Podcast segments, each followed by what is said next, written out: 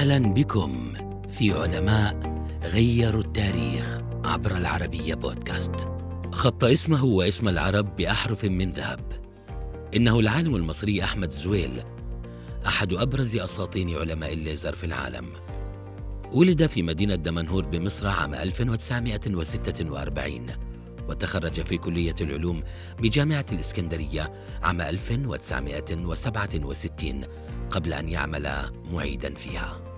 سافر إلى الولايات المتحدة بموجب منحة دراسية وحصل على الدكتوراه من جامعة بنسلفانيا في علوم الليزر ليعمل بعد ذلك باحثا في جامعة كاليفورنيا. حصل على الجنسية الأمريكية عام 1982 وأصبح أستاذا رئيسيا في معهد كاليفورنيا للتكنولوجيا وهو أعلى منصب علمي في أمريكا.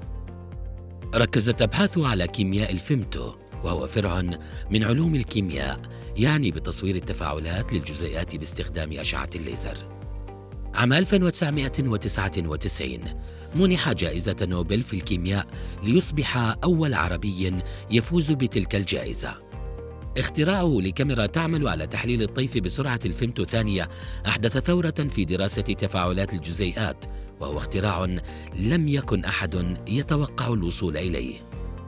إضافة إلى جائزة نوبل نال أكثر من أربعين جائزة شرفية وفاز بأكثر من مئة جائزة دولية. من أبرز تلك الجوائز قلادة النيل ووسام الاستحقاق وجائزة الملك فيصل العالمية وجائزة ماكس بلانك بألمانيا. صنف تاسع أهم عالم ليزر بأمريكا وأدرج اسمه في لائحة ضمت أينشتاين وجراهام لأبرز الشخصيات التي صنعت النهضة في الولايات المتحدة. تمكن من نشر أكثر من 350 بحثا علميا.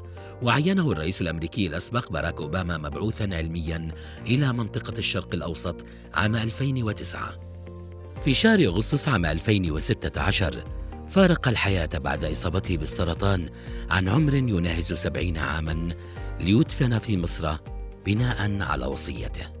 عشق بلده مصر وكان من أبرز أقواله أنا ابن هذا الوطن الغالي الذي أعطاني الكثير وأريد أن أعطيه ما حصلت عليه من معرفة.